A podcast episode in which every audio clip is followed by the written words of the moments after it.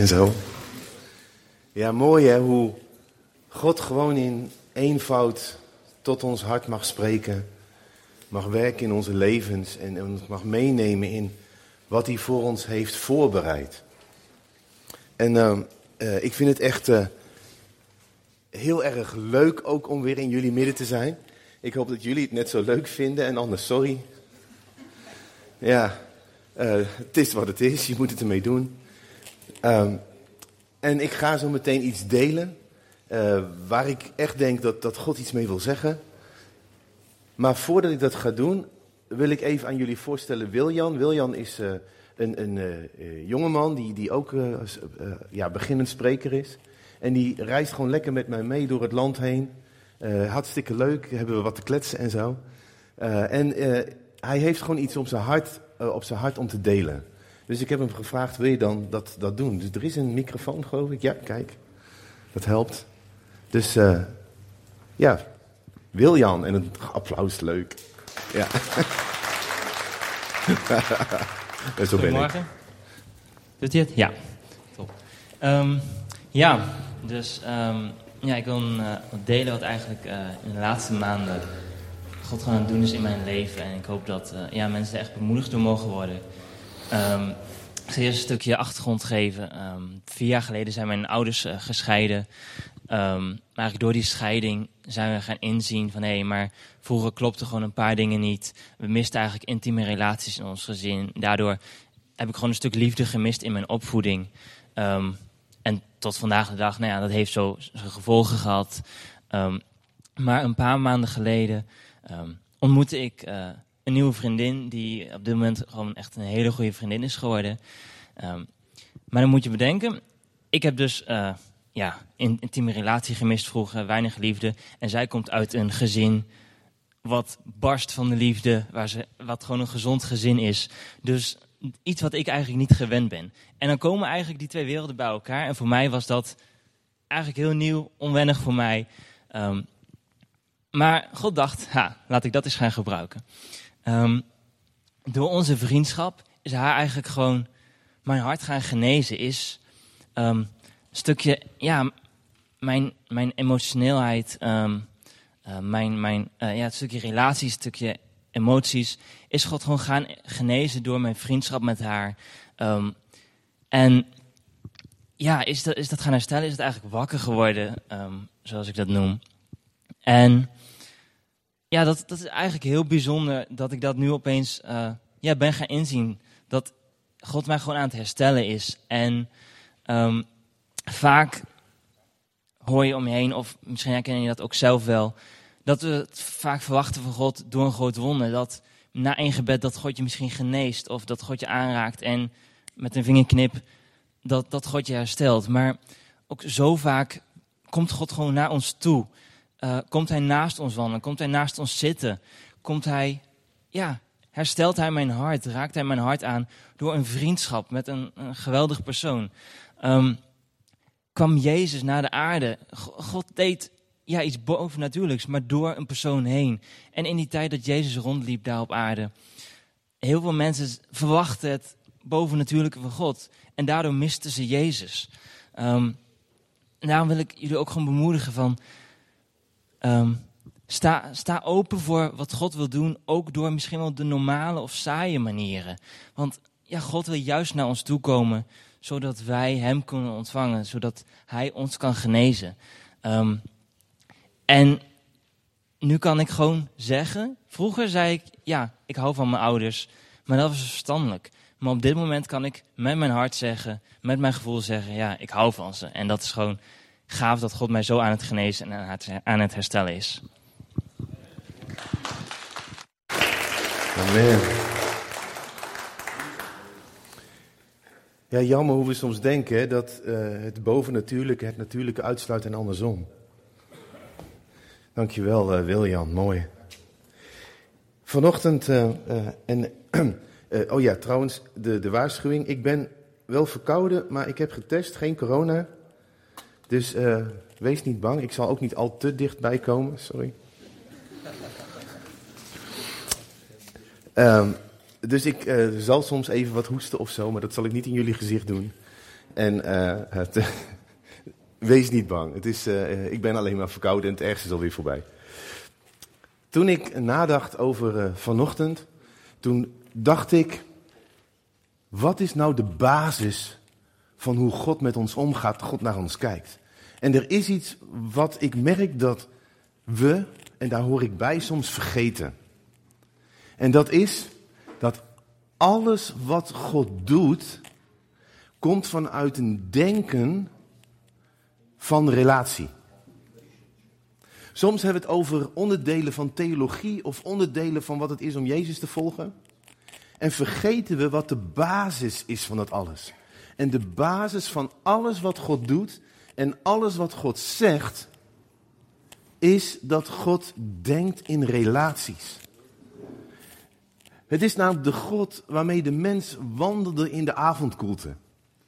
Kun je je iets relaxters en leukers voorstellen dan dat je een mooie dag hebt gehad en daarna in de avondkoelte wandelt met God?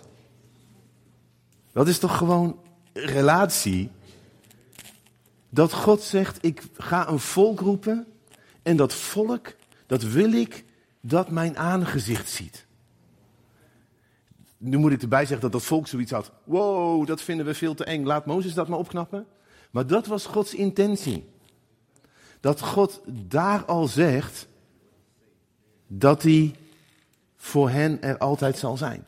Dat Jezus komt en Jezus zegt, het is niet alleen mijn vader, het is jullie vader.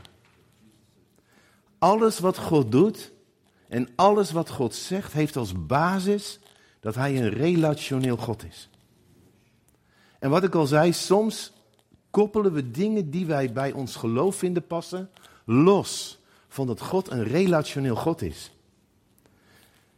En als we de kern, de basis missen, dan is het heel makkelijk om met het onderdeel dat we op dat moment isoleren, scheef te gaan. Want we zijn de intentie kwijt waarop alles wat God doet gebaseerd is. Waarom heeft God de mens gemaakt? Naar zijn beeld. Ik geloof omdat hij lief wou hebben en lief gehad wou zijn. Niet dat hij dacht, ik ga gewoon eens kijken wat ik kan. En dan, uh, nou ja, maakt hij een vogelbekdier en dan denkt hij, oeh, die ging mis. dat is niet hoe het ging. En dan, uh, sorry, deze grap moet ik kwijt. Ik weet, het is totaal niet bijbels. En dat dan de man en de, de God bij elkaar komen. En dat, uh, dat, uh, dat God zegt, ik zie dat je, dat, dat je gewoon nog alleen bent, dat is niet goed. En dat hij zegt, weet je, ik ga iemand voor je maken die bij je is. En die je altijd gelijk geeft. En het altijd met je eens is. En later als jullie kleren hebben, altijd de was zal doen. En die altijd zal lachen om je grapjes. En dan zegt de man, ja oké, wat, wat, wat, wat kost dat? En dat dan God zegt, nou een arm en een been. En dat de man zegt, en wat krijg ik voor een rib?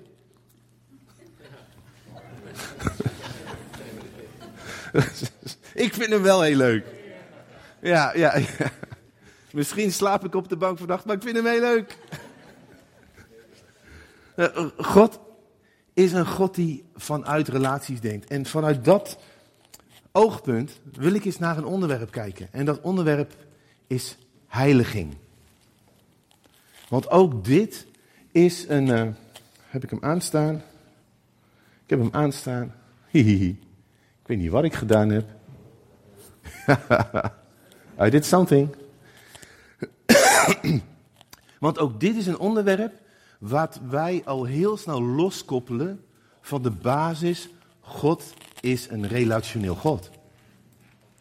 En dan komen we bij, uh, bij een tekst die, uh, die we kennen, hè, de, tenminste in ieder geval het einde daarvan kennen we. Terwijl we vergeten dat God werkt en God denkt vanuit relatie. Dus vergeet dat niet, deze hele preek. God denkt en werkt vanuit relatie. Hij is een relationeel God. 1 Petrus 1 vanaf vers 13. Om God daarom de lendenen van uw verstand. Wees nuchter en hoop volkomen op de genade die u gebracht wordt in de openbaring van Jezus Christus. Nou, wat betekent omgord de lendenen van uw verstand? Nou, vroeger hadden ook mannen lange jurk, dat rende niet goed. Als er dan bijvoorbeeld strijd kwam en ze gingen rennen, struikelden ze over een jurk. Dus wat deden ze? Even de jurk onder de riem. Hadden ze een minirokje. En dat rende een stuk makkelijker. Dus dat was het omgorden. Zorgen dat je kon bewegen, dat je kon rennen, dat je kon, dat je kon reageren op iets wat er aankwam. Dus zorg dat je verstand er klaar voor is om te kunnen gaan. Wees nuchter, hoop volkomen op de genade die u gebracht wordt. Dit is zo'n mooi concept. Dit noemen we voorbereidende genade. En wat betekent dat? Dat God alles heeft voorbereid, zodat wij in zijn genade redding kunnen vinden. Dat hij alles heeft voorbereid, zodat wij met hem in relatie kunnen worden. Hij heeft eerst ons lief gehad en daardoor kunnen we hem lief hebben. Hij heeft dat voorbereid in zijn genade. Alles heeft hij in zijn genade voorbereid, zodat wij erin kunnen wandelen. Dat is wat hier staat, hè? Hoop, uh, hoop volkomen op de genade die u gebracht wordt. In de openbaring van Jezus Christus. Word als gehoorzame kinderen niet gelijkvormig aan de begeerten die er vroeger in de tijd van uw onwetendheid waren.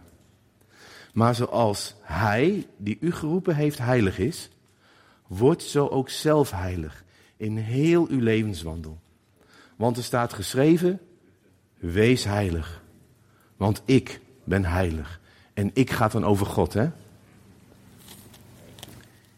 En als je dit leest en je vergeet dat God een relationeel God is, dan denk je, oh, wacht even, we moeten het verstand aanzetten. Oké, we zijn, zijn gered, maar we moeten gehoorzaam zijn, begeerte wegdoen en we moeten onze levensweg heiligen. En wat krijg je? Wat is dan het, het gevolg? Het gevolg is dat ze ons gaan richten op de buitenkant van heiliging. Niet op de kern, maar op de buitenkant van heiliging. Nou, wat is de buitenkant van heiliging? De buitenkant van heiliging, volgens mij kan ik dit ding wel weggooien. Mag ik de volgende dia? Iemand nog zo'n ding kopen? Dit is hoe we het doen. Dit is hoe heiliging werkt. Dit is wat je moet doen. En waar baseren we dat op? Er zijn allemaal voorschriften in het Oude Testament. Er zijn ook adviezen in het Nieuwe Testament. En die regels, die moeten we gaan volgen. Het aparte is van die, die voorschriften, dat een aantal daarvan waren gewoon omdat ze gezond waren. Dat waren niet per se uh, dingen die je moest doen om bij God te kunnen zijn, maar die waren gewoon hele goede tips. Als er vroeger een uitbraak van een ziekte was, had het volk van God daar de minste last van, want die hadden de hygiëneregels. God had gewoon heel goed advies gegeven. God had ook gezegd: eet geen varken. Nou, dat is een heel slim idee, want varken is helemaal niet zo best vlees. Dat is gewoon, ja, je zit gewoon de prullenbak op te eten, zeg maar. En dat mag op zich, maar varkens zijn afvaleters. En dan eten wij dus datgene van, dus de prullenbak eten wij op. Is oké als jij er gelukkig van wordt, hè? maar het is niet zo'n goed idee als je in een, in een klimaat leeft waar dingen niet lang goed blijven.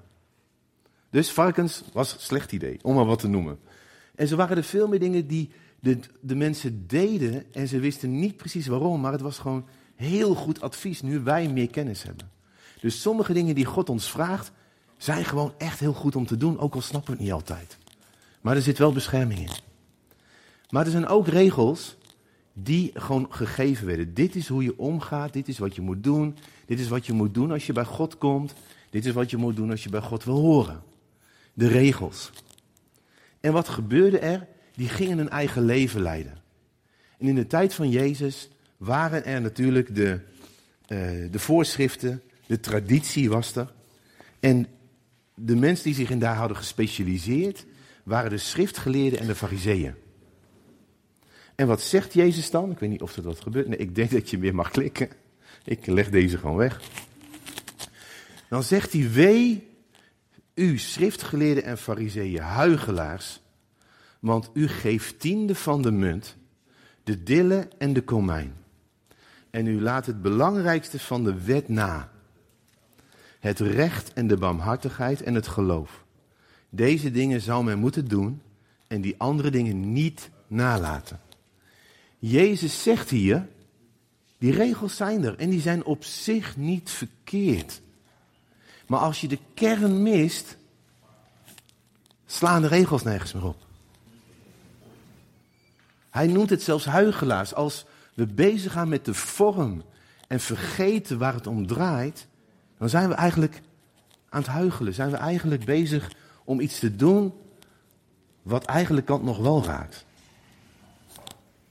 Dus wat is heiliging niet in de kern, maar wat is de buitenkant van heiliging? Dat zijn de regels hoe we het doen. How we do it. En dan is de volgende, volgende dia alsjeblieft. De dingen die we moeten laten om heilig te zijn. Ook daarvan hebben we een heleboel uh, ideeën. Dit is wat je niet doet als je uh, achter God aan gaat. Als je God wil geloven, dan mag je dat en dat niet doen, is wat we soms zeggen. En dat noemen we dan dat we puur zijn. En dat is mooi. Het is mooi om te zeggen, ik wil puur zijn. Ik wil me niet vervuilen met de dingen van de wereld. Maar ook dat kan op zich iets zijn wat niet per se heiliging is, maar wie net zo wettisch kan zijn als dat is wat je wel moet doen. En wat je soms ziet, en dat is heel interessant als je naar de geschiedenis kijkt, is dat het soms vooral een reactie is op de wereld. Bijvoorbeeld, toen, de films, toen het begon met films en, en daarna dat groot werd en populair, toen was dat wat de wereld was. Dus wat zeiden we in de kerk? Een christen gaat niet naar de bioscoop. Nou, gelukkig zitten we niet meer in de Cine Majestic, dus dat is goed gekomen hier. We zijn gered. We zijn weer in het licht. Ja. Maar dat was niet omdat dat is wat heiliging was. Dat was een reactie op wat wij werelds vonden. Daar kijken we nu alweer anders naar. Dus op zich was dat dus niet een kern iets. Maar je merkt dat een aantal dingen die wij doen of laten een reactie zijn op wat wij werelds vinden of wat ons in de wereld heeft pijn gedaan. Of heeft vastgehouden. Voor mijzelf bijvoorbeeld, ik ben niet christelijk opgevoed, dat weten jullie onderhand wel. En ik, eh, ik was eh, totaal niet christelijk metalhead. En ik luisterde muziek die was gewoon niet oké. Dat ging over de duivel en over hele nare andere dingen. En toen ik tot bekering kwam, moest ik die muziek echt wegdoen. Want het had echt een grip op mij die heel ongezond was. Ik was gewoon niet vrij van die muziek. En dat heeft ook een tijdje geduurd. En God heeft me daarvan vrijgemaakt. Maar dat betekende voor mij dat dat een, iets was wat hoorde bij mijn oude leven.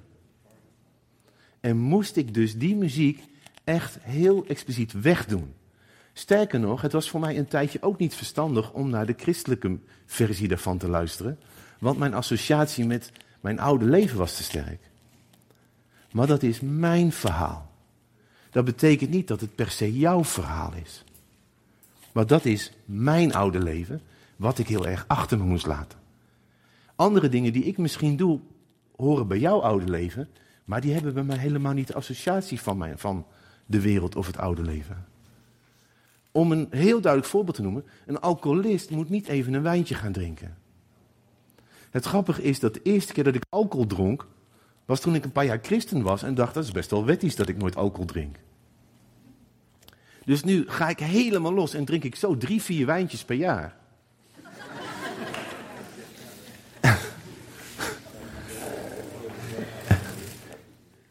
ja, en daarvan, eh, nou ja, de meesten hebben geen wijn meer.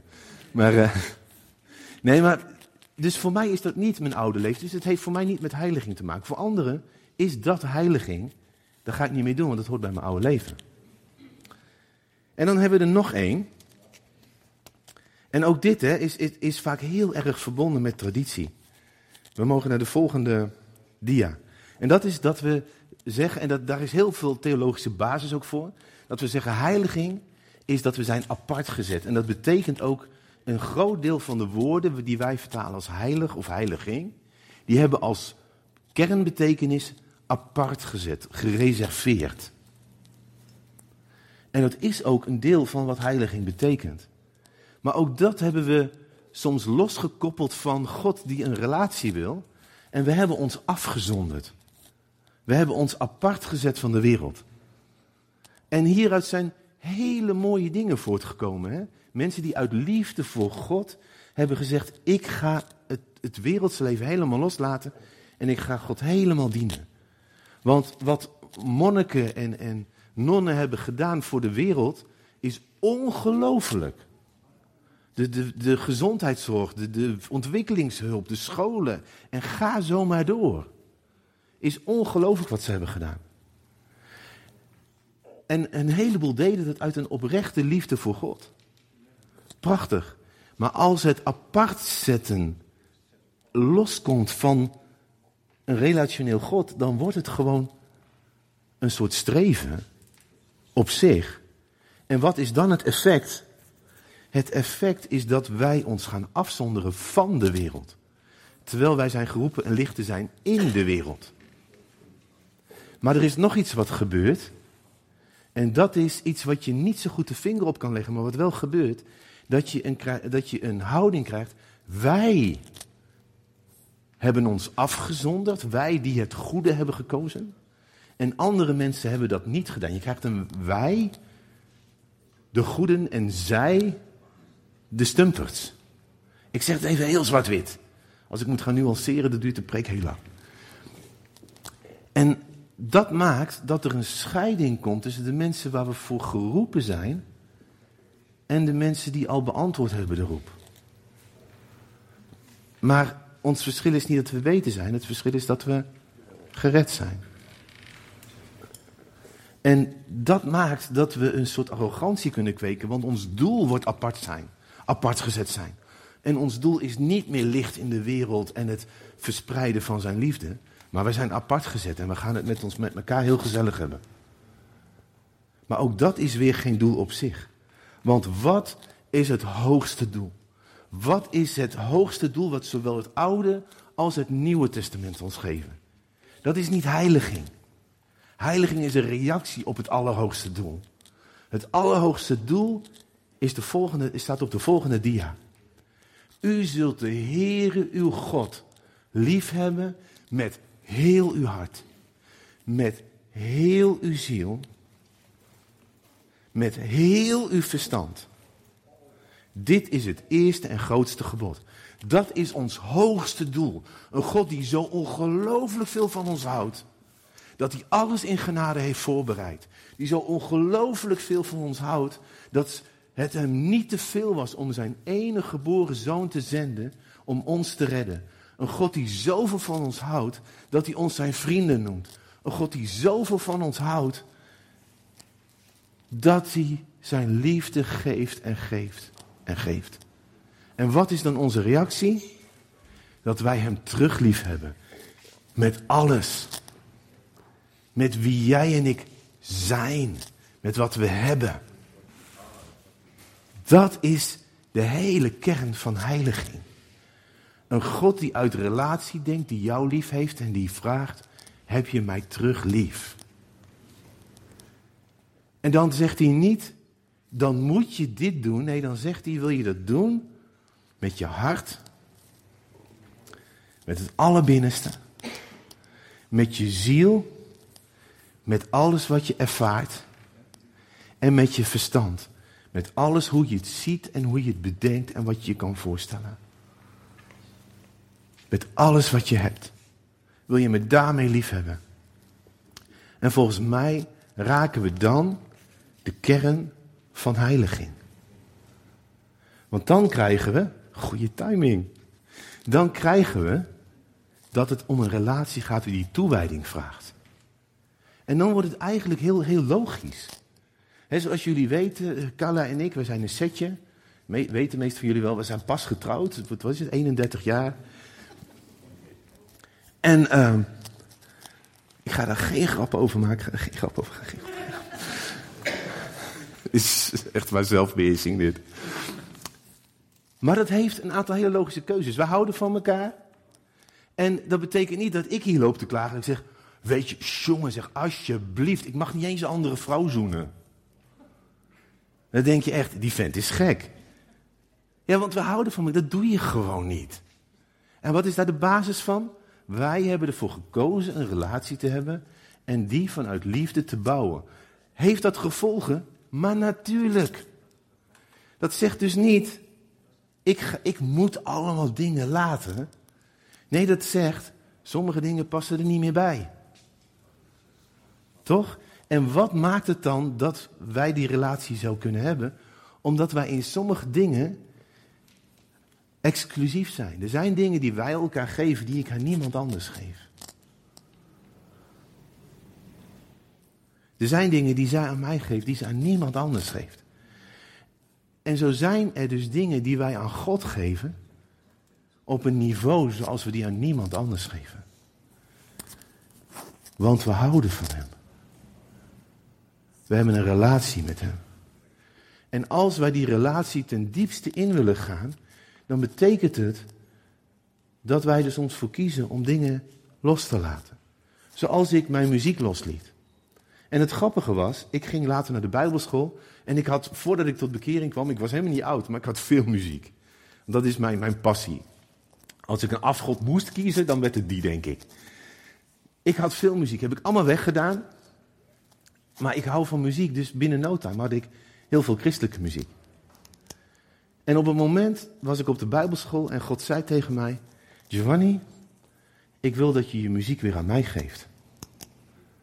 Nou, dat vond ik best wel spannend, want ik had best wel weer wat tijd en geld en passie geïnvesteerd in mijn nieuwe christelijke platencollectie. En God zei: Ik wil graag jouw muziek. En ik had ook wel gemerkt dat ik eigenlijk een beetje aan verslaafd was geraakt. Ik kon niet zonder dat er muziek aan stond, was, was gewoon, het was niet lekker. En God zei, geef het maar weer. Dus ik zei, oké, Heer, u mag het hebben. En ik had zelfs met iemand de afspraak gemaakt die het wou kopen. En toen was ik weer aan het bidden en toen zei God, ik heb gezien dat je het wil loslaten. Hier heb je het terug. En ik had echt, ik, ik was klaar om het te verkopen. God nu krijg je het van mij terug, want je hebt het aan mij gegeven. En in dit geval geef ik het je terug. Ik zette een, een plaat op, ik weet niet of je het kent, zo'n zwart ding. Met zo'n gaatje middenin. Ja, dat is een beetje van vroeger. En ik zette zo'n ding op. En ik heb nog nooit zo van muziek genoten. Want ik had het van God gekregen en ik was er niet meer aan verslaafd. Ik was vrij. Dat was voor mij een stukje heiliging. Iets wat eigenlijk mij afhield van de relatie met God. Vroeg hij mij, ik gaf het hem. En in dit geval gaf hij het mij terug, maar wel in een andere setting terug. Ik was niet meer verslaafd, ik had niet meer nodig. Het stond niet meer tussen God en mij in. Maar andere dingen vraagt God ons om aan Hem te geven en niet terug te vragen. Want daarin worden jij en God dan exclusief. En weet je wat dan het mooie is? Dan, gaat, dan, dan is er ook een stukje barrière weg voor die liefde tussen jou en God. En soms vraagt dat gewoon bekering. Dat je zegt, Heer, ik heb iets gedaan. Weet je, het is net als in een gewone relatie. Als je het, als het niet goed hebt gedaan. En uh, ik vind dit lastig, want mijn vrouw zit erbij. Maar als je het niet goed hebt gedaan, moet je sorry zeggen.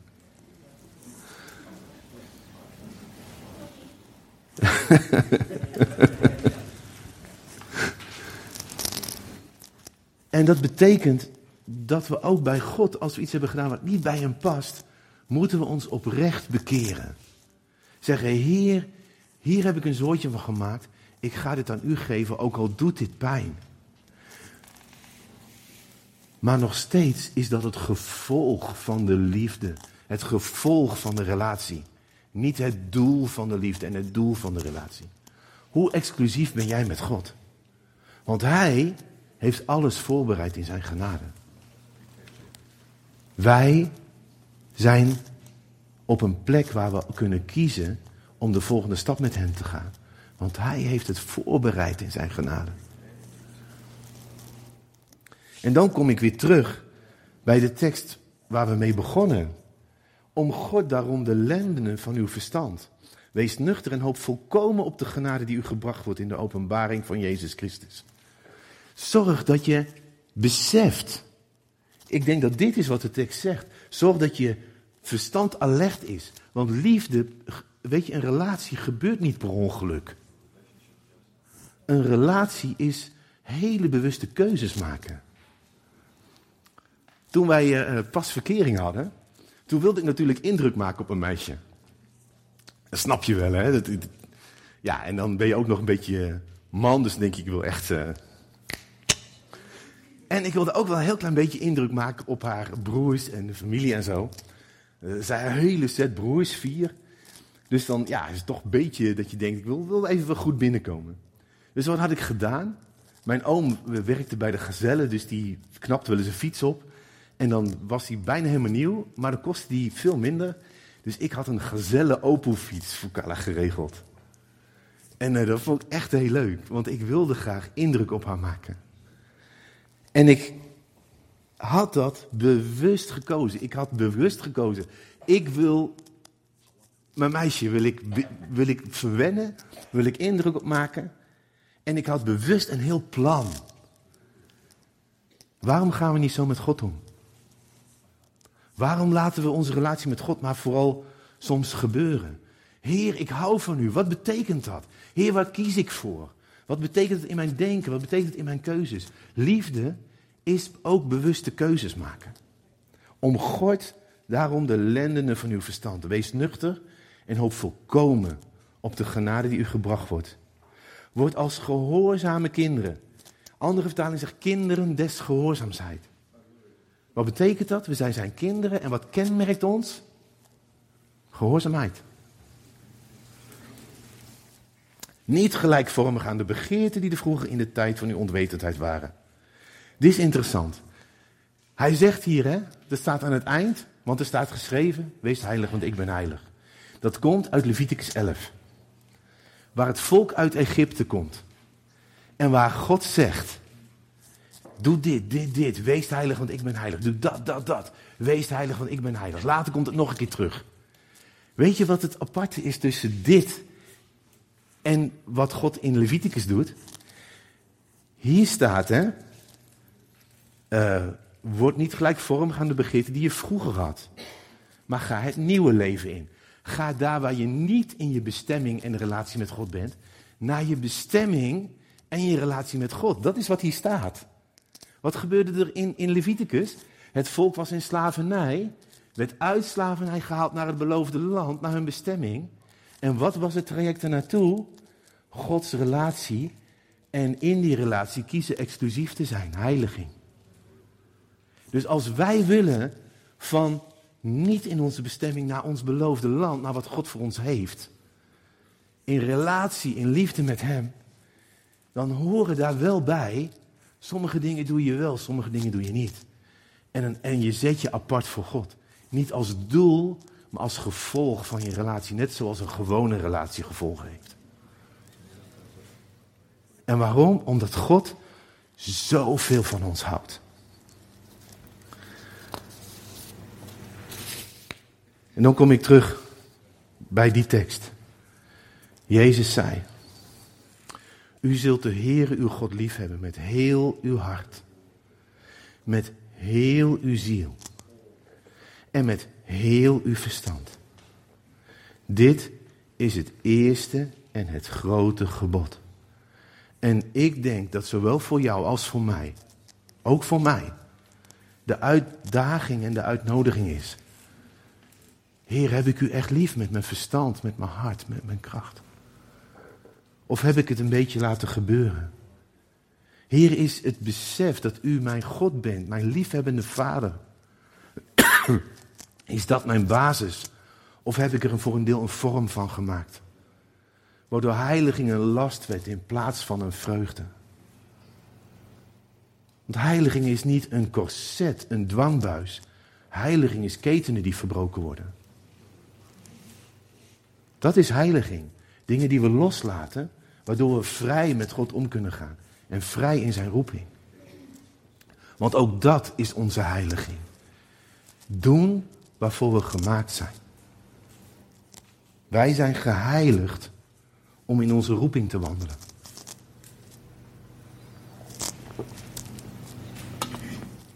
En dat is onze uitdaging voor vanochtend, denk ik, die God neerlegt. Wil je wil je als mijn kind, is wat God vraagt, de relatie met mij exclusiever maken? Wil je de ballast afwerpen? Wil je misschien wel dingen, van dingen bekeren? Want ik hou van jou. En ik wil jou helpen makkelijker je liefde voor mij vorm te geven. En liefde bestaat voor een groot deel uit bewuste keuzes. Niet een keuze dat je denkt, ja, ik voel nu wat en morgen gaan we weer verder. Weet je, of ik nou hier ben met mijn vrouw, of dat, dat nou zijn ze bijvoorbeeld een keertje vier weken naar Australië geweest, naar haar familie. Ze was uit het zicht, maar we waren nog steeds getrouwd. Het was niet dat ze weg was en ik dacht, oh, ga ik ineens dingen doen die ik normaal niet doe. Behalve dan muziek opzetten waar zij niet van houdt. Maar als we, God niet, als we niet in de dienst zijn, betekent niet dat we minder bij God betrokken zijn en Hij minder bij ons. Wij hebben altijd een relatie met Hem. Of we het nou het gevoel hebben dat Hij erbij is of niet. We hebben die relatie. En dat is waar ik zo meteen. Sorry, ik ga even lawaai maken. Waar ik zo meteen je echt wil uitdagen als we het avondmaal nemen. Het vieren van zijn ultieme genade. Dat we mogen nadenken, wat is mijn reactie? Wat is mijn reactie? Hoe ga ik om met heiliging? Met als basis, God heeft een relatie met mij en hij houdt van mij. Laten we bidden. Komen jullie. Uh... Heer, ik wil u danken dat u zo van ons houdt. Heer, we zullen alle heiligen nodig hebben om het volle besef van uw liefde te hebben, zegt uw woord. Zo groot is uw liefde. Zo diep, zo wijd, zo breed is uw liefde. Heer, en ik bid dat we daar steeds een stukje meer van gaan beseffen. Maar help ons ook om daar niet een beetje per ongeluk op te reageren, maar bewust dat ons verstand om God is. Onze, ja, zoals, zoals we onze benen kunnen vrijmaken om te rennen en te reageren. Dat zo ons verstand klaar is om te kiezen, keuzes te maken, achter u aan te gaan, ballast af te gooien. Heer, en ik bid ook dat als we hebben gekozen voor een, eh, een ding wat niet bij u past, omdat we ons daarachter verschuilden, misschien wel beschermden. Heer, wilt u dan ook daarin genezing brengen, vrijheid brengen, ketenen breken, zodat we het aan u kunnen geven. Heer, en als we zometeen het avondmaal gaan vieren, wilt u tot onze harten spreken. Door uw krachtige en lieve Heilige Geest. Die ons ook heiligt. Ons helpt om vanuit uw liefde en onze liefde die relatie te bouwen. Heer, ga zo met ons. Maar Heer, spreek ook tot ons en leid ons verder naar waar we voor bedoeld zijn. Ons beloofde land. Leven in relatie met U. Amen.